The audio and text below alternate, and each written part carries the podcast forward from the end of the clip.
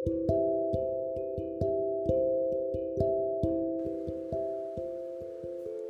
semua, balik lagi sama aku di podcast tentang hidup.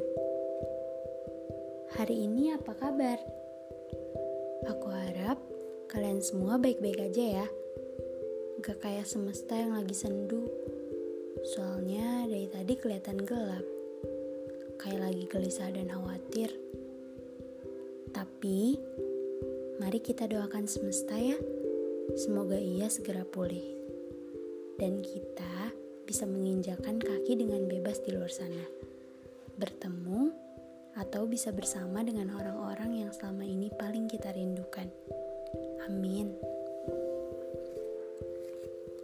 Kali ini aku masih bahas soal pertemuan. Karena bahasan ini tuh gak bisa cukup dengan kalimat singkat begitu saja.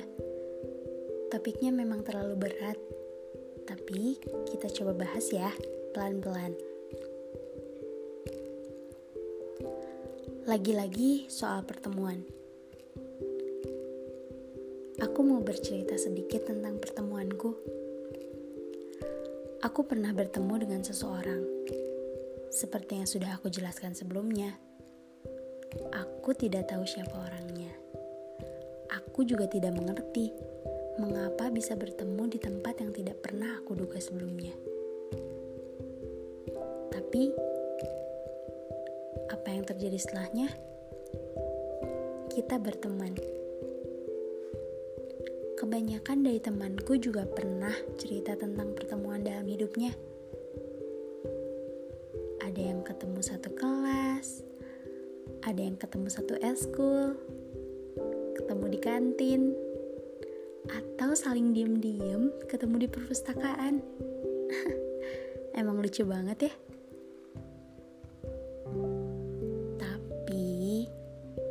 Ingat, aku udah kasih tahu kan sebelumnya.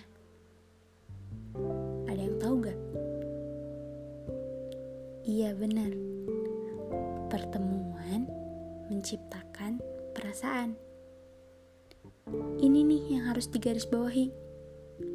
Perasaan. Emang pertemuan menciptakan perasaan tapi gak semua pertemuan jadi perasaan baik. Ya, lebih dalamnya sih perasaan suka. Jadi perasaan kayak gimana dong? Ya mungkin cuma perasaan senang aja karena punya banyak teman. Makanya jangan baper dulu ya. Udah deh, episode sekarang segini dulu aja ya. Biar gak malu karena udah baper. Jadi, sekarang giliran aku pamit. Dah semua, sampai jumpa di episode berikutnya.